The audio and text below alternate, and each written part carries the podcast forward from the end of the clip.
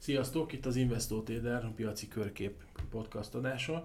Most megint rendhagyó módon ketten Péter barátommal beszélgetünk Szevasztok. az elmúlt pár hétről, és megint próbáljuk itt a következő napokat, vagy a következő heteket egy kicsit feltérképezni, és akkor még terveink szerint ennek az évnek a lezárásaképpen még megint hárman majd egyet beszélgetünk itt a 2019-es évről, meglátjuk, hogy ez összejön-e.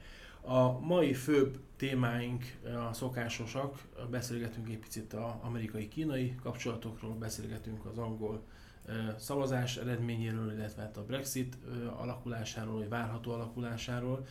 Megemlítjük a magyar piacon az OTP-t, ami nagyon szép történelmi csúcsot tudott futni. Beszélgetünk egy picit a forintról, még így érintőlegesen megemlítjük a Deutsche Bank részvényeket kezdjük is, kezdjünk el beszélgetni. Amerikai-kínai kereskedelmi kapcsolatok, most én azt olvastam, hogy picit a piac megnyugodni látszik, hiszen talán közeledik a megoldás, és egy dolog biztos, hogy decemberben már vámokat, újabb védővámokat nem fognak bevetni. Még ezt a biztos lesz lehet, hogy biztos. Trump hát én azt gondolom, hogy az elmúlt biztos. hónapokat, ha figyeled, eh, akkor azt látjuk, hogy folyamatosan ugye, ahogy jönnek ki a tweetek, ugye általában magyar idő szerint ilyen délután nem tudom, kettő után, piacnyitás után szokott elkezdeni, gondolom a Fox News is eh, nem mindenfélékről beszélgetni, és akkor ennek függvényében a, eh, az elnök is rendszeres tweeteket ad. Sőt, hát ö, olyan szinten, hogy időnként szinte egy-két percenként érkezik egy ilyen üzenet a, a, a, ha mondjuk egy Twitter folyamot nézed, vagy nézitek, akkor, akkor egy-két percenként akár érkezhet valami nagyon fontos elnöki bejelentés úgymond a Twitteren, ami persze rángatja a piacokat folyamatosan. Hát azért nagy összegekben nem fogadnék arra, hogy ez a kereskedelmi háború most valami fajta nyugovó pontra jutott. Az biztos, hogy a decemberi vámokat elkerültük, de érdekes az, hogy hosszú távon Kína én azt gondolom, hogy kezd berendezkedni arra, vagy elkezdett berendezkedni arra, hogy egyre kevésbé, tehát inkább megint egy egyfajta ilyen bezárkózásra, bezárkózásra kényszerül, és egyre kevésbé akar az Ameriká, amerikaiakkal, vagy egyáltalán a nyugattal olyan értelemben kereskedni, hogy, hogy a, ugyan a, a saját áruit szeretné oda e, e, kitolni, majd mindjárt erről is mondok még valamit, de ugye egyre kevésbé szeretne nyugati, e, persze főleg amerikai, de egyébként európai termékeket is vásárolni. Ugye nem olyan régen volt egy ilyen bejelentés vagy mondás a ki, egyik komoly kínai vezető részéről, hogy a következő években szeretnének mindenfajta olyan szoftvertől és szoftverterméktől megszabadítani a kínai, ár, a kínai termékeket, amelyeket, amelyek nem kínaiak, vagy amelyek nem kínai kézben vannak, illetve Kínában alapvetően kínai szoftverek lesznek, nem szeretnének függeni ilyen szempontból a nyugattól, illetve szintén ugye Németország ott találták most meg azzal, hogy ugye a Németország a Huawei-t nem akarta beengedni az 5G tenderére ilyen biztonsági okokra hivatkozva. Most erről egy elég komoly fenyegetőzés indult meg Kína részéről Németország felé. Hát gondolom, hogy ez akár az autógyártóknak az árfolyamában is majd meglátszódhat, attól függ, hogy mire jut ez a, ez a dolog, és, és, és megpróbálják a, a német kormányt kibillenteni abból a, abból a jelenlegi helyzetből, hogy, hogy, hogy ne engedjen be bizonyos állami, állami vagy államközeli megrendelések közelébe kínai beszállítókat. Ugye ez a Huawei ügy Amerikában is egy pár hónap azelőtt lezajlott, akkor szerintem beszéltünk is róla annak igen, idején. Igen Úgyhogy, és itt elsősorban nem a, a sima a személyes telefonokról van szó, hanem nem, az 5G, amit megemlítettél. Itt van egy óriási verseny. Ugye ez a hálózati eszközökről beszélünk. És ugye itt mondják, hogy a Huawei azért egy pár éves előnyel rendelkezik. Amit, hát azt nem mondom, hogy előnyel rendelkezik, inkább azt mondanám, hogy nagyon olcsó, relatíve viszonylag olcsó termékei, vagy olcsóbbnak tűnő termékei vannak, vagy inkább úgy fogalmazik, hogy nagyon versenyképes termékei vannak, de a termékeinek legalábbis azt mondják, tehát én nem akarok azért, nem szeretném, hogy az investót valami, valamilyen módon, hogy mondjam, jogi helyzetbe hozza bárki is. Szóval azt mondják, vagy azt lehet olvasni az újságokban, hogy nem olyan megbízhatóak a, a, a kínai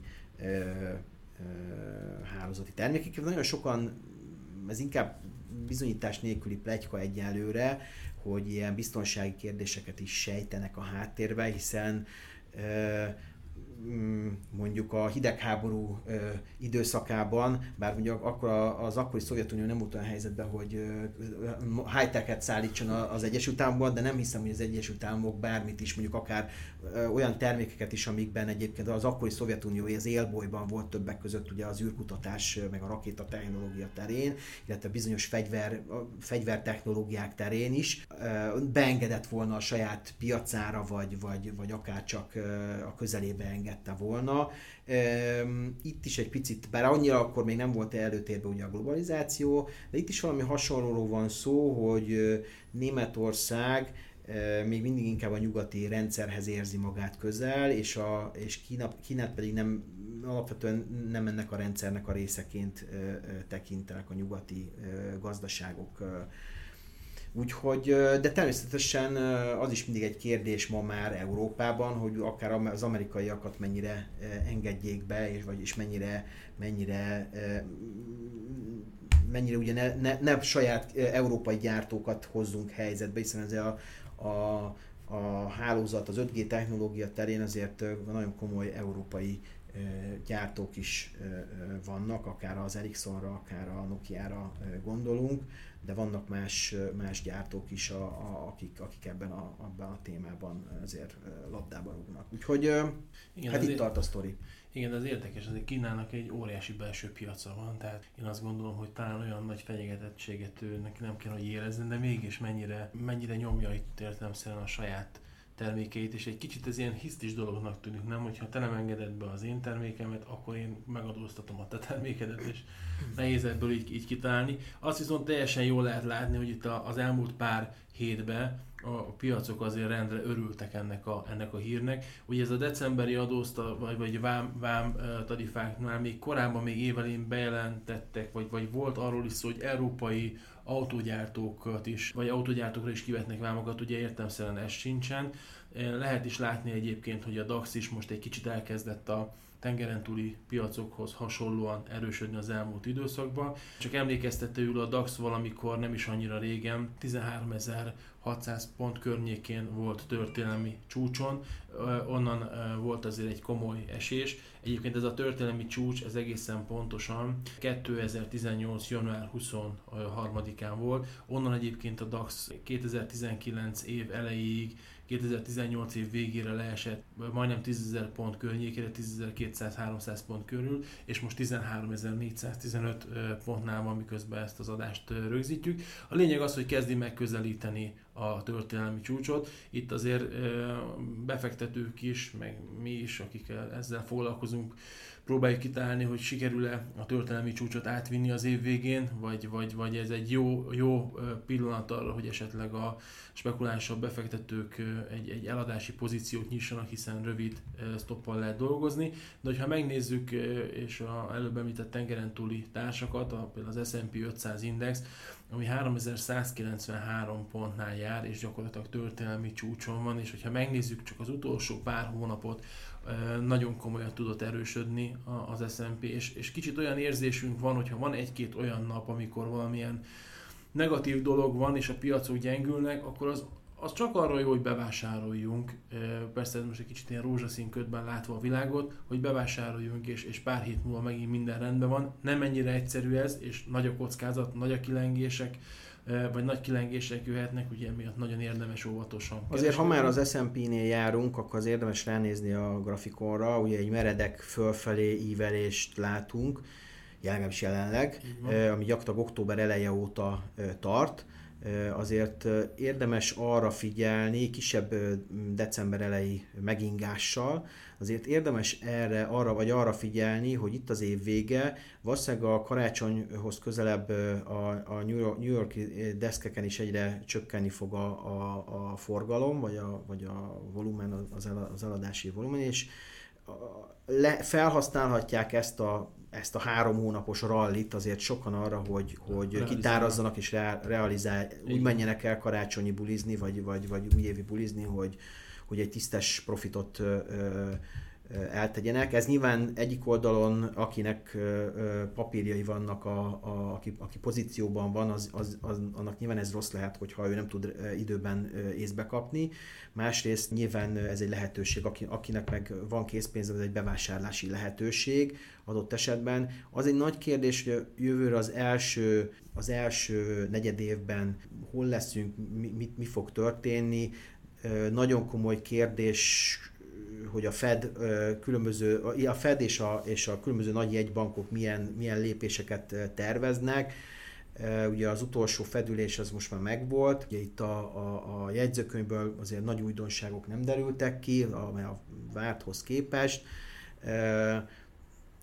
Azért, azért itt, itt, itt nagyon sok kérdés merül föl. Európában is ugye az Európai Jegybank nak egy érdekes kérdésre lesz, ugye sokszor beszélnek róla, hogy esetleg részvényvásárlásokba kezd, ez ugye az indexek, ez, ez, ez tolhatja fölfelé még az index, attól függően, hogy ez, e, e, e, erről majd milyen hírek érkeznek erről a dologról. De mindenki nagy jegybank gyakorlatilag elég rugalmasan nyilatkozik, hogy ha a piac megköveteli, akkor, akkor monetáris lazítás. Meg, És nem is nagyon lesz azt hiszem nagy lehetőség, mert úgy, úgy látom, hogy egyre, egyre biztosabb, legalábbis Európában egyre biztosabbak a negatív kamatok, tehát már úgy értem, hogy nem nagyon fog rövid távon megszabadulni tőle a, a piac, sőt olyan szinten nem, hogy egyre több országban fontolgatják, illetve egyre több banknál fontolgatják, hogy effektíve a lakosság meg a, meg a, a vállalkozások betét teire is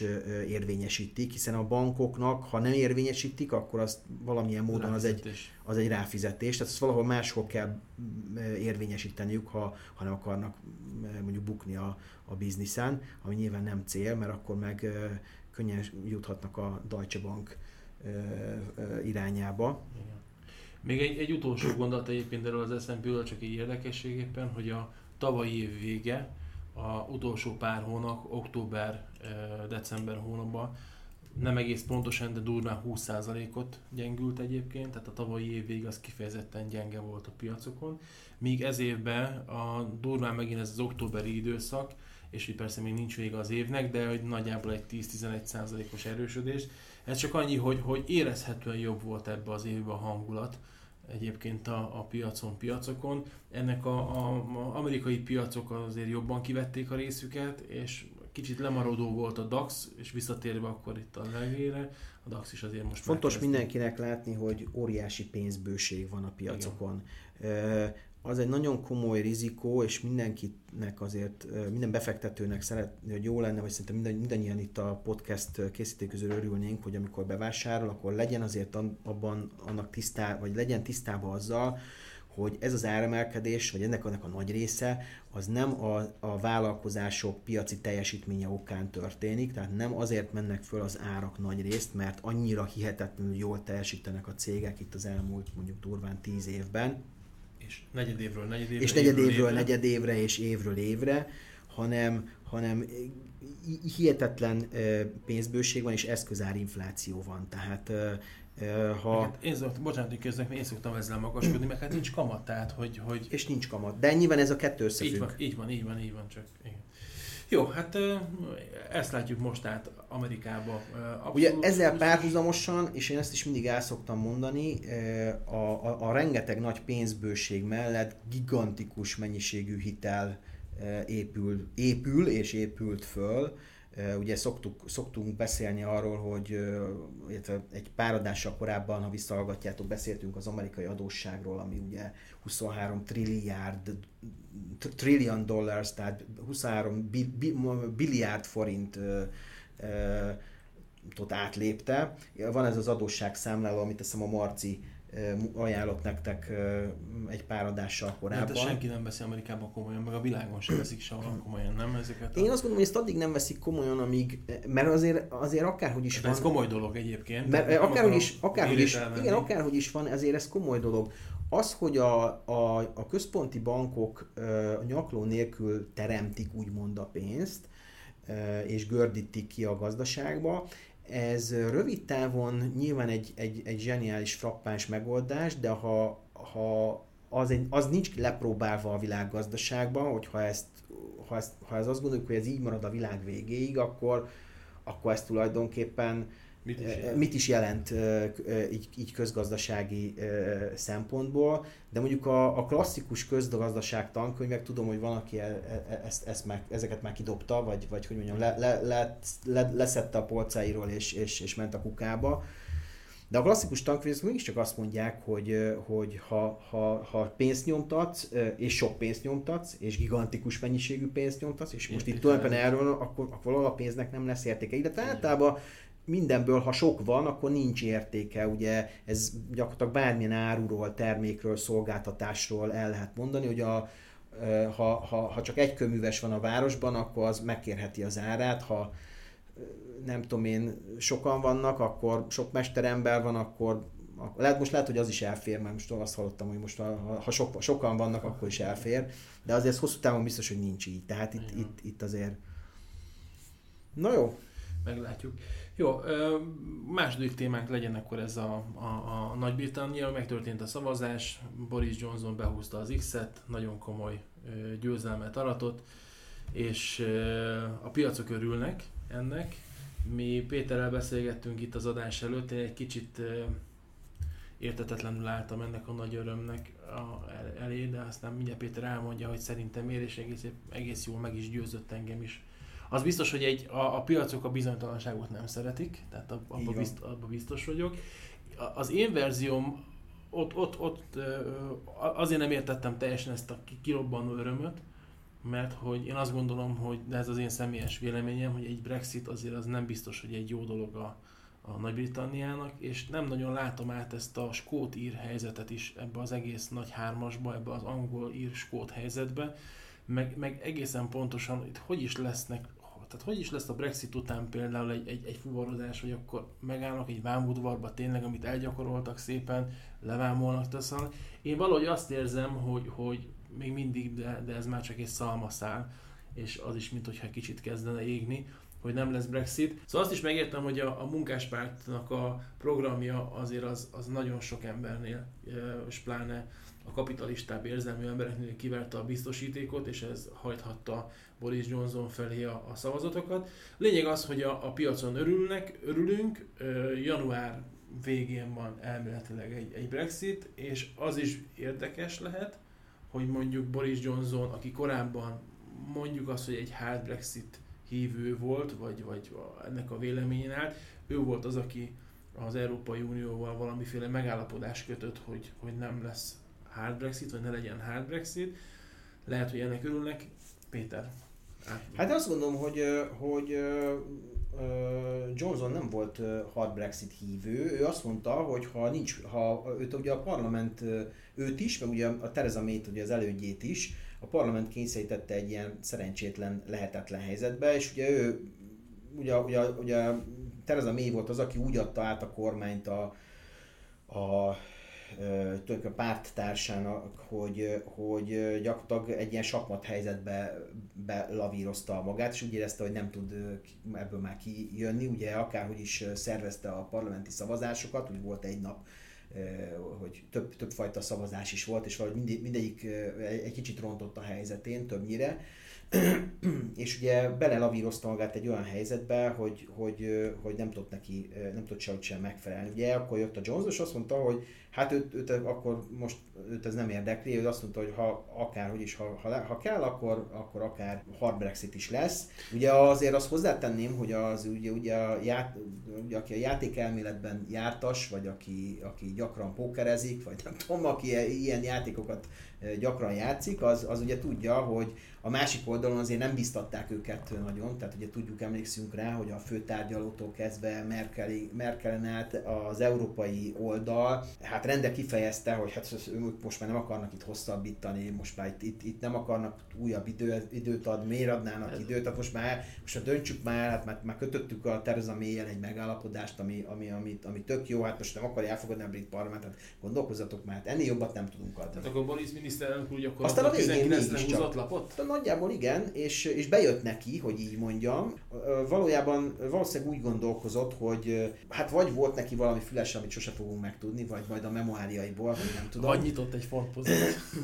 Ezt nem tudjuk, reméljük ilyen, ez, ez ott is börtönnel jár. Tehát nem tudjuk, hogy mi történt valójában a háttérben. Mindenesetre jól stratégiázott ebben a kérdéskörben, és úgy tűnik, hogy az EU hát most vagy meghátrált, vagy bölcsebb belátás, vagy, vagy eleve ez volt a, az EU-nak a stratégiája, az, az, utolsó, az utolsó, a legutolsó napokban mégis engedtek egy, egy, egy ilyen új megállapodást kötni. Ugye ez, aminek a lényege, vagy aminek a, ugye mindig nem tudom hányszor leírták már mindenhol, szerintem a hallgatóink is hallották már, aminek a lényege az az, hogy az ír, az ír határral mit, mit csináljunk, ugye ez volt a, a legnagyobb probléma, ugye az ír határt nem lehetett, nem akarták lezárni, vagy nem lehetett, ez a nagy pénteki egyezmény ezt megakadályozta, vagy, vagy, vagy, vagy hogy mondjam, akkor kinyitották volna ezt, a, ezt az egész északír válság témakört újra, amit, amit nagyon szeretett volna mindenféle elkerülni, mind az Európai Uniós oldalon, mind az ír köztársaság oldalán, mind a, akár szerintem maguk az északírek is, tehát ezt nem akarták. A végül az egyesség az az lett, hogy, hogy a, a határza csatornán a két sziget között lett a vámhatár, és tulajdonképpen Észak-Írország tulajdonképpen benne maradt az Európai Unióban, mit szépítsük a, a dolgot. Szerintem ennek a részleteit, hogy mi lesz, hogy lesz, az Ákos ugye beszélt arról, hogy a kamionok megállnak, nem állnak meg, szerintem ennek a részleteit most még nem tudjuk, szerintem az, majd ott is úgy lesz, hogy lesz erről egy külön törvény, vagy valamilyen jogszabály, hogy akkor ott mit kell csinálni a határon, és, és, és mit nem kell csinálni, de azt gondolom, hogy a, ha Írországból, vagy az EU-ból Észak-Írországba fognak fuvarozni, akkor szerintem az egy ilyen, olyan, mintha egy ilyen uniós terület lenne, tehát szerintem az, az, azzal ez lesz, és, és a, a, a, a, a többi része a, tehát a, mondjuk ugye a csatorna túloldalán lévő területek pedig valamifajta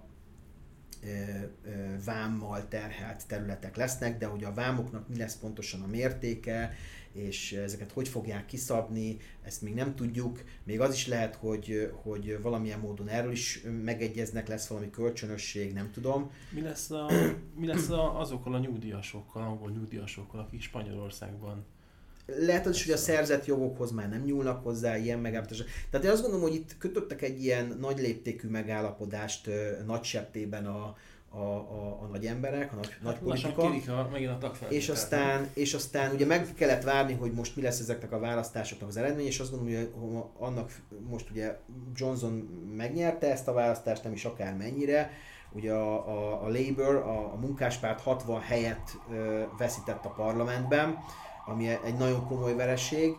ezzel a programmal, amik ők jelentkeztek, csoda, hogy egyáltalán nem bejutottak, nem? Hát igen, azt, pont ezt beszélgettük az Ákos, ugye erre utalt az előbb Ákos egy pár mondattal korábban, hogy ugye nem érti, hogy miért, miért ez a, a nagy piaci öröm, ugye, és akkor két dolgot mondtam, ugye hát az egyik, a, a, ami, ami alap, az az, hogy a, a bizonytalanságot azt, azt, azt ugye általában nem díjazza a piac, ha rossz is valami, de ha tudjuk, hogy rossz, vagy be lehet árazni, akkor, akkor be, valahogy beárazódik, túl vagyunk rajta, akkor nézzünk előre, nézzük a következő leg mi fog jönni.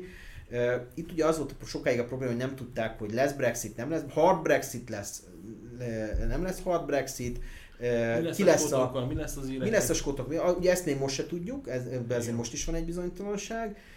Mi, mi, mi, hol lesz a határ, és mi lesz, a, mi, mi lesz ez az egész, ki, lesz a, ki, ki, ki alakíthat kormányt. Ugye itt az nagyon nem mindegy, hogy Corbyn nagyon e, ilyen szocialisztikus, vagy ilyen kicsit ilyen, szinte ilyen kommunisztikus elképzelései voltak, a, vagy vannak a, a, a, arról, hogy a briteknek milyen irányba is, vagy a brit kormányzásnak, vagy Nagy-Britanniának milyen irányba is kéne elmenni. Ugye, ő körbenézett a világban, látta, hogy a populizmus működik, meg, megpróbálta a baloldali populizmus. Meg az baloldalit, hozzátenném, hogy ez a baloldali populizmusnak is világszerte vannak követői hívei nyilván a, most abban nem akarnánk szerintem itt Ákossal belemenni, hogy ezt kielemezzük, hogy Corbynnak milyen mondásai populisztikusak, és mik, mik azok, amikben van, van valamilyen realitás. A lényeg a lényeg, hogy a 60 hely az, az, az nagyon sok, ugyanakkor azért azt érdemes tekintetben, hogy ebből a 60 helyből 52 volt olyan, a Livre szavaztak, tehát arra, hogy, hogy elváljunk a, a, az EU-tól, és és, és hát ennyi. Úgyhogy... Jó, de hát akkor még mindig azért sok a kérdője, január végén igazából talán többet megtudunk.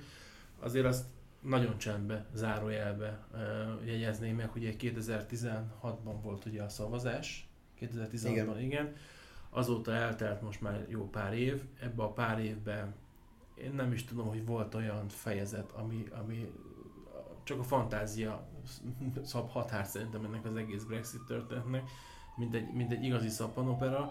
Meglátjuk, hogy mi lesz ebbe az egy hónapba. Az biztos tényleg, hogy most a piacok örülnek, emelkednek a, a piacok, és hogyha megnézzük például a fontot, azért azt nézzük meg, hogy a, a Boris Johnson, amikor debütált, akkor ilyen 1.25-1.26 között volt a font, ami azért lejött 1.20 környékéig, és utána azért volt csapkodás, és most csak nagyon csendbe zárójelben jegyezném meg, hogy 1.33 fölött van, sőt ugye volt 1.34 is múlt héten, de 1.33 fölé keveredett a, a font dollár, és hogyha visszanézzük azt, hogy 2016 környékén, amikor volt a szavazás, akkor azért ilyen 1.50 környékén, 1.40-1.50 környékén volt a font dollár, tehát azért még bőven van. Én azt gondolom, aki 12 előtt pozit nyitott a, a font erősödésére, az bőven jól járt, az nagyon szépet keresett rajta. Igen én azt gondolom. Ha, ha netán tőkeáttétellel tette mindezt, akkor pedig, akkor pedig, egy, egy, akkor pedig hogy mondjam, nagyon szép karácsonyi partija lesz a, a, az illetőnek, vagy igen, jó bulit szervezhet. Lehet, hogy egy jakt is becsúszhat. Lehet, becsúszhat. Hogy, igen. igen. Utólag mondjuk ez mindig könnyű, az adott pillanatban azért ez nehéz, de igen, igen, ez, ez, ez valóban így van. Jó, térjünk egy kicsit át a hazai piacra most, hogyha... Vagy OTP? Vagy, vagy kezdjük a Deutsche Bankot érintőlegesen? Szerintem nézzük meg az OTP-t, meg aztán az majd OTP. onnan Jó. menjünk ki a Deutsche irányába. Jó, OTP, hát... Hatalmas fellendülés Abszolút. volt a, az elmúlt napokban. Ha valaki megnézi a, a grafikont, akkor gyakorlatilag egy, egy, egy jó nagy kilövést lát. És bocsánat, hogyha valaki egy kicsit hosszabb távon nagy, nagyobb léptékekkel nézi a grafikon, tehát mondjuk egy havi bontásban, akkor majdnem azt lehet mondani, hogy ez 2015 márciusa, áprilisa óta nagyon minimális kis oldalazásokkal, de, de abszolút az elsődleges trend az egy emelkedő trend, tehát uh-huh.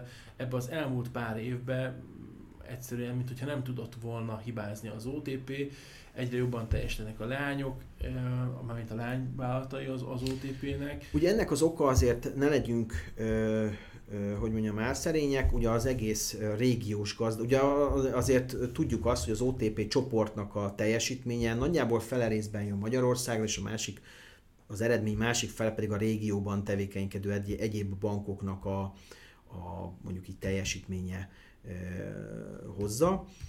A, a, a régió pedig egyértelműen jól teljesít, európai szinten is, úgyhogy Úgyhogy hát ez nyilván ezt mutatja az OTP-nek a, a, az árfolyama is. Én azt gondolom, hogy ha valaki azt, ugye kicsit ugye vedd meg a plegykát és add el a hírt, filozófiát, ha követjük, akkor, akkor azért lehet, hogy lassan itt is azért ki fognak tárazni a, a, a, egy szép profittal, akik, akik ezzel jöttek. Ugye a, a, az éves eredmény, amikor ki fog jönni, tehát hogy gyakorlatilag a negyedik negyedévnek a gyors jelentése, az nagyon valószínű, hogy egy nagyon kövér nyereséget fog bemutatni, amire persze lehet az is a piacnak hogy még megy fölfelé az ár, de lehet az is, hogy, hogy, hogy, hogy mondjam, e, ez már a zsebbe van. Igen, igen. Tehát, hogy ezt már beáraszta a piac. Én, én, én most így elsőre a második, vagy tehát arra szavaznék, hogy ezt már beáraszta a piac, a kövér nyereséget. Én azt gondolom, hogy, hogy könnyen elképzelhető, hogy a, a, a, a befektetők előre tekintenek, tehát azt a, a, a gyorsjelentési számok bejelentését követően nem is elsősorban arra fognak figyelni, hogy 2019-ben milyen milyen jó eredménye volt az OTP-nek, és, és, és nyilván Csányi úr hatalmas számokat fog mondani, hanem inkább az lesz a kérdés, arra fognak figyelni, hogy mit mond a 2020-21-es évre, évekre vonatkozóan. Ez lesz a nagy kérdés. Ha, ha, hogy mondjam, megalapozottnak tűnik az OTP-nek a további erőteljes növekedése, akkor én azt gondolom, hogy nem érdemes kiszállni a papírból, vagy, vagy újra vissza kell, érdemes keresni egy beszállópontot, ha, ha valaki eltette ezt a kövér profitot, én nem lennék meglepve. Én lehet, hogy én is így, így csinálnék, én, én most nem vagyok éppen poziba, Ákos, te? Hát nem, mi is, mi is zárogattunk igazából, de, de nem, nem annyira régen, tehát igazából az utolsó szóval 500-600 forintot, amit nem, nem fogtuk meg. Én igazából, hogyha visszahallgatjátok az előző podcastokat, én, én nagyon optimista voltam végig az, az OTP-vel kapcsolatban. Nem, nem tudom, hogy szabad-e ilyet mondani, de a, a magyar papírok közül az egyik kedvenc nekem, nekem az OTP, és ránézve erre a grafikonra, és tudom, hogy én általában inkább optimistább padba ülök, de hogy ránézve erre a grafikonra, igen, el tudom képzelni azt, hogy jön még majd egy picit vissza, Jó. természetesen, de hogy én, én nem lepődnék meg egyébként ezen a 16-17 ezer forintos árfolyamon se, amire már belőtek ilyen célárfolyamokat 17-17 500. Ez nekem most elsőre egy kicsit sok lenne, tehát ez, én, én azt gondolnám, hogy ez ebből valami, valami korrekt, tehát lehet, hogy eljutunk ideig, de ez mindenképp az kell, hogy a gyorsjelentéskor Csányi úr, hogy mondjam, még a világosabbnál is világosabb képet fessen föl a jövőről. Van még, egy, van, még egy dolog, ugye, ami általában a részvényárfolyamokra azért nagyon jelentősen tud hatni, hogyha mondjuk short pozíciók vannak, és ott, ott mikor, mikor el.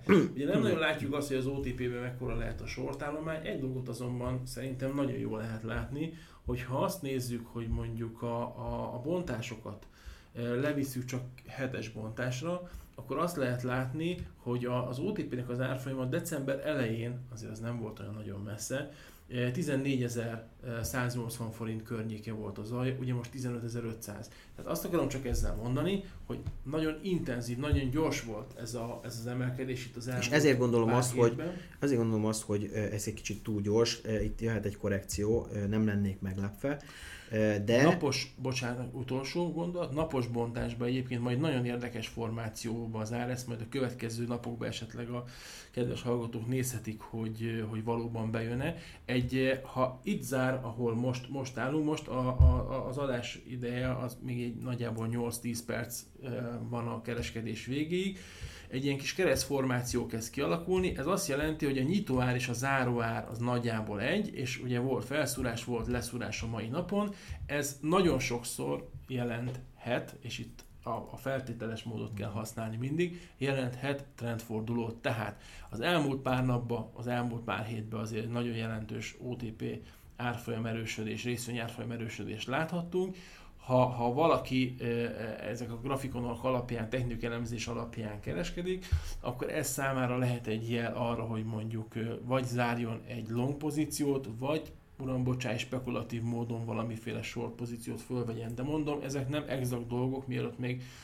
bárki ezt számon kérné tőlem. Nagyon sokszor egyébként például a DAX Indexnél ezek nagyon jól megfigyelhető jelek, természetesen nem mindig jönnek be, tehát nem egy százszázalékos törvényszerű dolog, de most például ez lehet, amit a, a Péternek a gondolata gondolatát alá is támasztja, és még egy utolsó dolog, hogyha nézzünk egy eresi mutatót, ami mutatja azt, hogy mennyire van túladva vagy túlvéve ez a papír. Erősen túlfűtött. Erősen túlfűtött, igen. Tehát ugye az eresi mutató az, az 70 fölött azért egy túlvettséget mutat. Ez jelen pillanatban napos bontásban azon a rendszeren, ahol mi nézzük, ez ilyen 77-80, tehát majdnem 80 pont környékén van. Igaz, hogy, hogy már jó pár napja ebbe a tartományban van, és ebbe a jó pár napban azért erősödni tudott az ODP, de ez mind-mind jel arra, hogy nagyon óvatosan kell bánni a longpozikkal.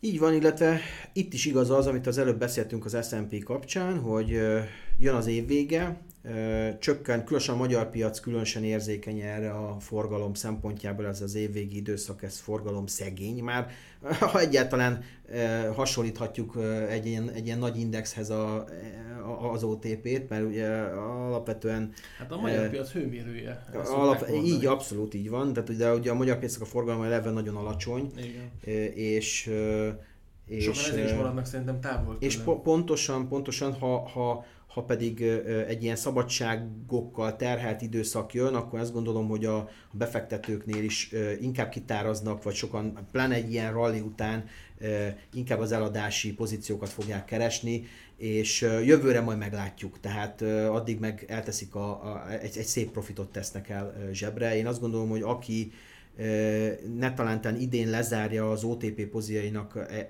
akár egészét, akár egy nagy részét, az, az, Jó, az, az, az OTP abszolút, abszolút, abszolút. És aztán a jövőre még egyszer mondom, meglátjuk. Nekem személy szerint van egy olyan elképzelésem vagy mondásom, az OTP alapvetően a régiónak a gazdaságát mutatja, vagy, vagy a, a, azt mutatja, hogy a tükörképét mutatja, azt mutatja, hogy a befektetők ugye alapvetően mit gondolnak a régiónak a gazdaságáról.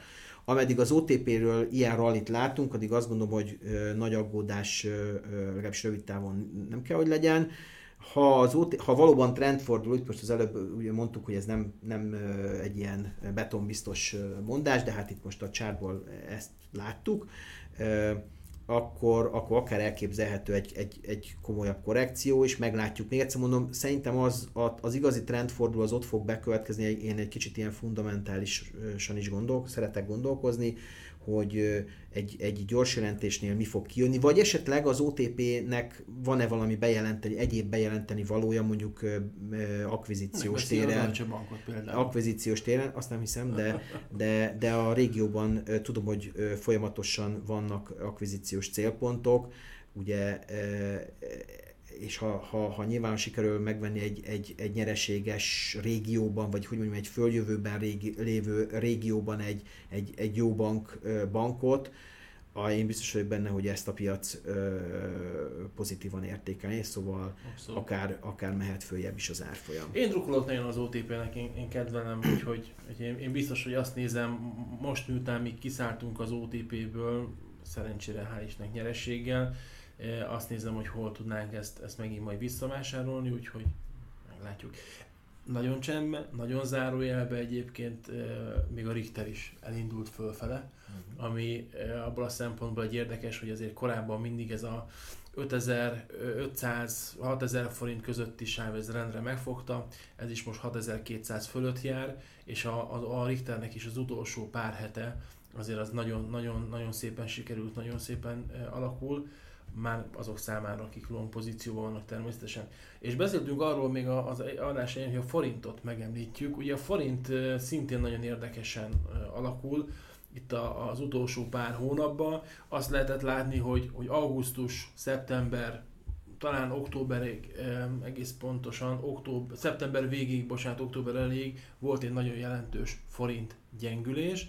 Ezt követte szinte ugyanilyen ütembe egy forint erősödés. Számszerűen ez úgy néz ki, hogy, hogy 2019. augusztus 10-e környékén még 323, 50, 324 környékén járt az euróforint.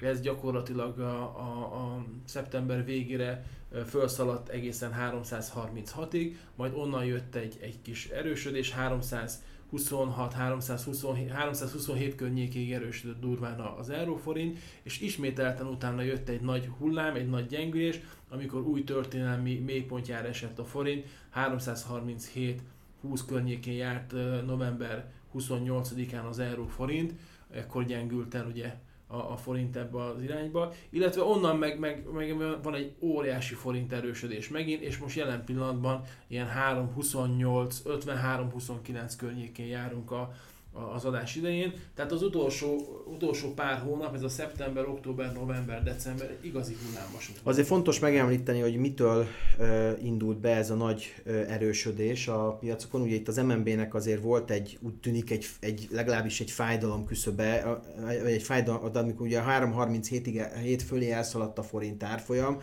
ott elkezdtek egy ilyen verbális intervenciót, ott már azért elkezdtek kiszólogatni, hogy akkor ez már azért így, így nem, nem lenne, ez, ez már nem kényelmes, ez az árfolyam.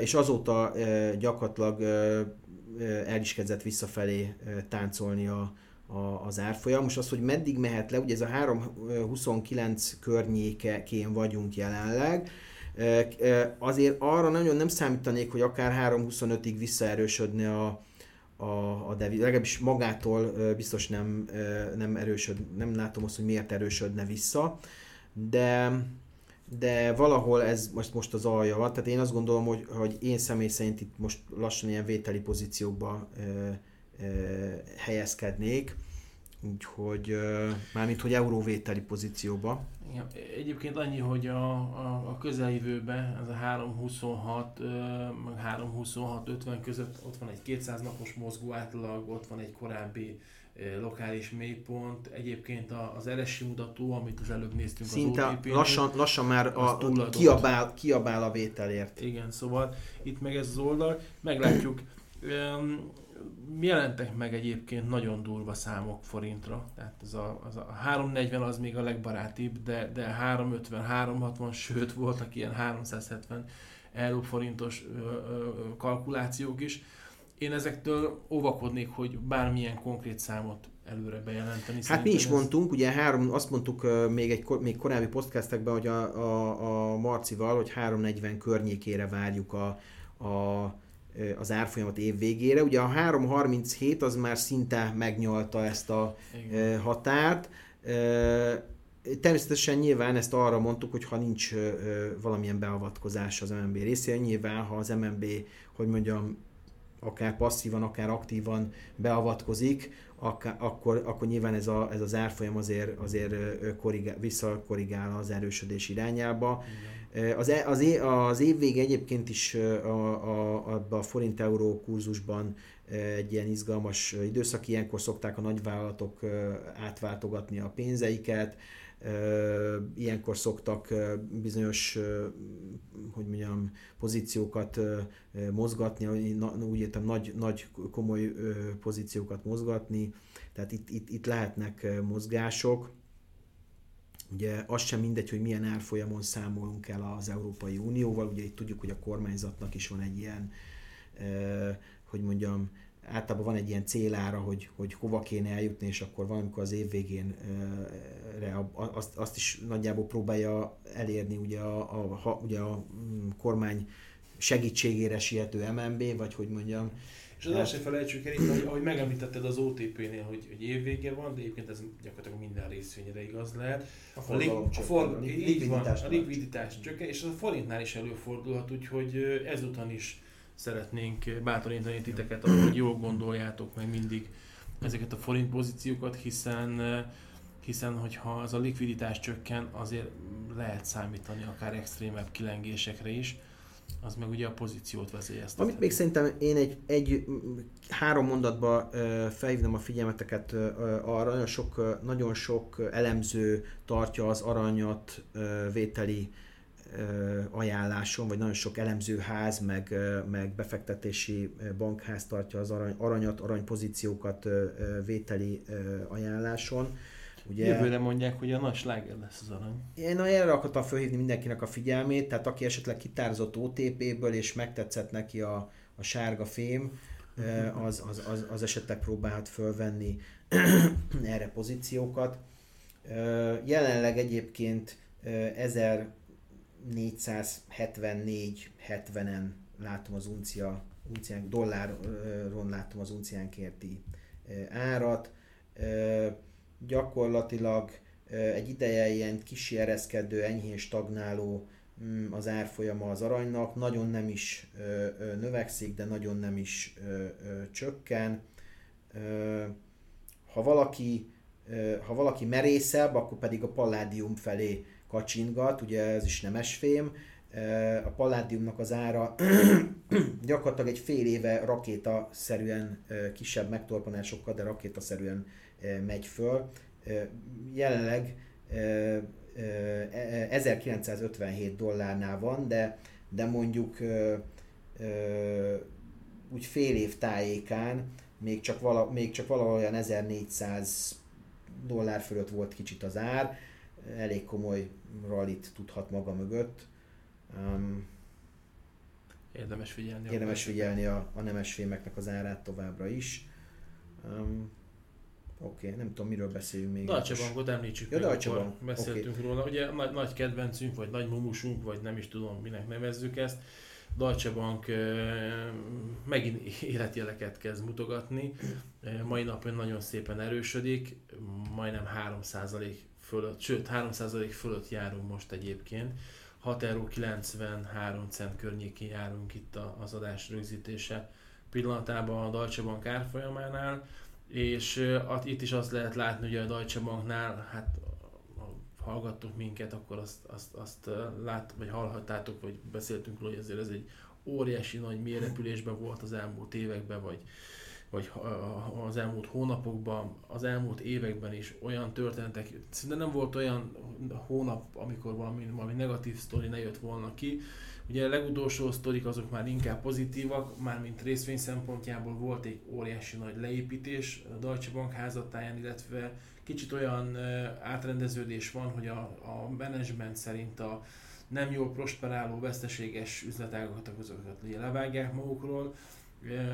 Én azt gondolom a piac ennek szemmel láthatóan örül. Itt december elején volt egy mélypont, akkor megint lejött, lecsúszott 6 euró 28 környékig, 6 euró 30 cent környékéig, most 6 euró 90 centnél járunk. Kicsik ezek a számok, de százalékban ez, ez, ez nagyon, nagyon sok, komoly. tehát itt azért 5-8-10 százalékokról beszélgetünk. Következő lokális tető, amit nevezhetünk valamiféle ellenállásnak, az is 7 euró 37 cent környékén van, az követően pedig 7 euró 70, tehát és ez sem volt nagyon messze, tehát szeptember környékén járt erről a, ennél a 7 euró 70 sárszinten, és persze ezek centek, de hogy, hogy ezek megint 5-8-10 százalékot láthatnak az optimistább befektetők itt a, a szemük előtt. Úgyhogy ezt is érdemes figyelni, nagyon óvatosan bánni ezzel a részvényel, mert ez is igazából óriási kilengéseket tud ö, ö, produkálni. Csak egy példa, hogy, hogy mit tudott az elmúlt időszakban bemutatni. 2019. Szept, október 29-én 7 euró 24 centen kinyitott, nagyjából ez is volt a, a tető, és pár napra rá az árfolyam, tehát 2019. 10. 31-ére 6 euró 45 cent környékéig gyengült a, a, a Deutsche Bank árfolyama, brutális ö, ö, mozgások ezek. Én úgy gondolom, hogy érdemes odafigyelni. Azért említjük meg a Deutsche Bankot, mert szurkolunk és kíváncsian nézzük azt, hogy ez a, az egyik legnagyobb kereskedelmi bank Európában, ez, ez mégis lábon marad, vagy, vagy eldől, reméljük, hogy nem, mert azt szerintünk, meg szerintem az egy borzasztó nagy kihatással lenne itt az egész európai gazdaságra. A lényeg az, hogy erre is érdemes odafigyelni, most éppen jó hangulatban telnek a Deutsche Bank napjai. Igen, hát az biztos, hogy nagyon óvatosan vennék föl ebben a térésben pozikat, de azt hiszem, hogy a daytradereknek viszont ez a mekkája, vagy nem is tudom. Igen, miért, nagy tehát... forgalom van benne, szinte folyamatosan a, a legnagyobb forgalmú részvények között láthatjuk a DAX 30-ba. Abszolút. És az árfolyama is egyébként... Nagyon nagyobb a kilengések, igen, hát keresni igen. ezen lehet, különösen a mai robotok által vezérelt kereskedésben, ugye robotoknak ideálisak ezek a nagy kilengések. De azt kell, hogy mondjam, hogy stratégiai befektetést most nem látok a Deutsche Bankban. Hát igen, mi ahhoz, is. A... Ahhoz, ahhoz, és ugye ne, ne felejtsetek, hogy erre sokat beszéltünk, hogy a német ipar, és ugye erre továbbra is jönnek adatok, eléggé nagy sla, slamasztikában van. A, a német Best Purchase Manager Index, vagy, a, vagy a, a, az ipari Purchase Manager Index az, az gyakorlatilag elég komoly Épp problémákkal, a recessziót is problémák, problémás, problémákat jelez, de nyilván jönnek az tehát nyilván a, ugye az, az, hogy leépítések vannak az iparákban, az, hogy bizonyos fejlesztéseket elhalasztanak, ugye ezek a hírek azért jönnek folyamatosan, a Deutsche Banknak egyébként most vágták meg, ö, minapi hír volt, hogy most vágták meg a, a, az évvégi jutalom keret, keretet 20%-kal, szerintem pedig így, így, talán itt se lehetett túl nagy, hiszen a jutalom az ugye, az ugye mindig valami fajta eredményhez kötődik.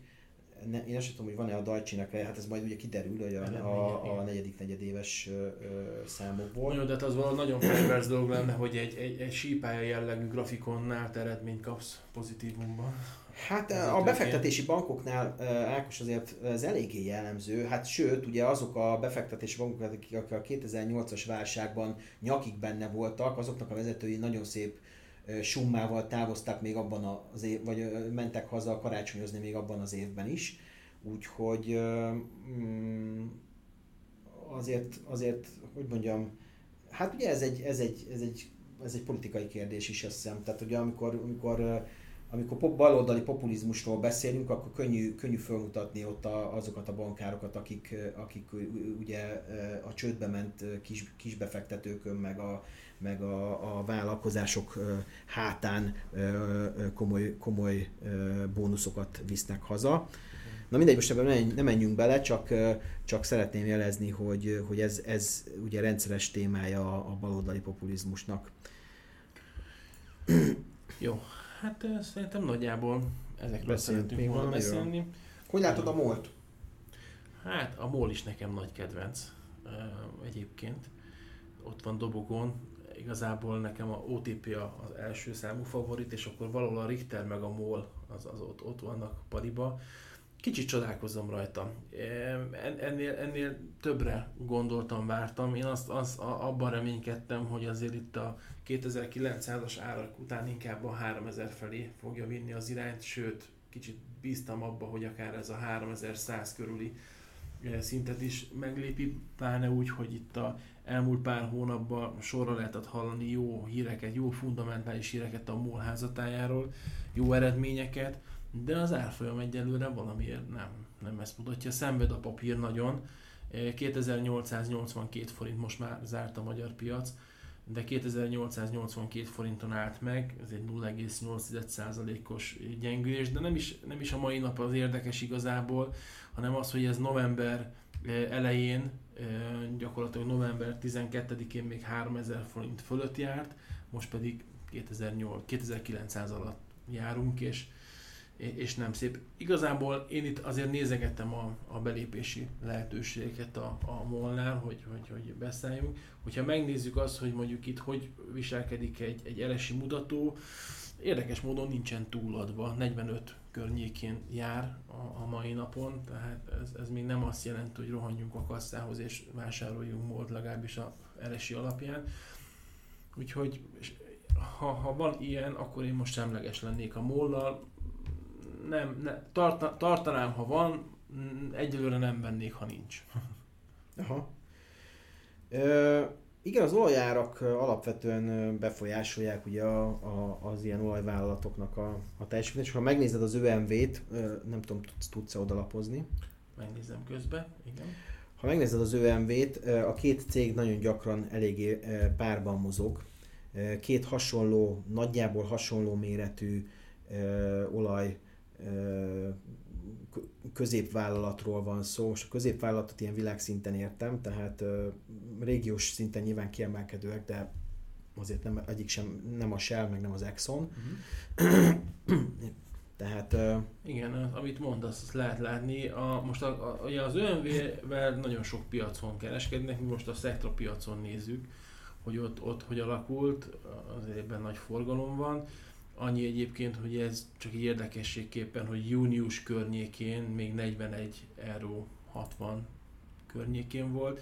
Ez felszaladt egészen 55 euró fölé eh, november elejére, 55-40, és egyébként ez most 50 euró 60-nál jár, tehát hogyha ha bátorkodunk rátenni egy ÖMV grafikonra egy MOL grafikont, akkor azt lehet látni, hogy hasonlóan az ÖMV árfolyamához, a MOL árfolyam is nagyon hasonlóan lefelé jött most.